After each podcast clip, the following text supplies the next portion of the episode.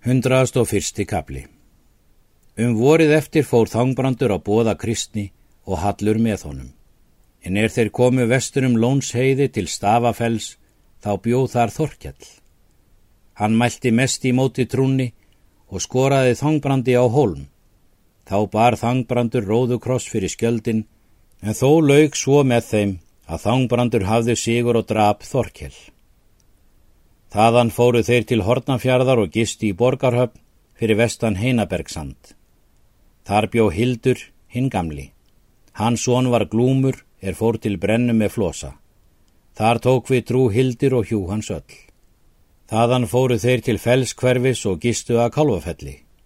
Þar bjó Kólur Þorsteinsson frændi hals og tók hann við trú og hjú hans öll. Þaðan fóru þeir til Breiðár. Þar bjó Össur Hróaldsson frændi hals og tók við prímsigning. Þaðan fóru þeir til Svínafells og tók flosi prímsigning, en hétta fylgja þeim og þingi. Þaðan fóru þeir vestur til skóakverfis og gistu í kirkjubæ. Þar bjó surtur Áspjarnarsson Þorsteinssonar Ketilssonar hins fýpska. Þeir höfðu allir verið kristnir langfeðgar. Eftir það fóru þeir úr skóakverfi og til höfðabrekku. Þá spurðist allt um ferð þeirra. Maður hétt Galdrahéðin, er bjó í Kjerlingardal.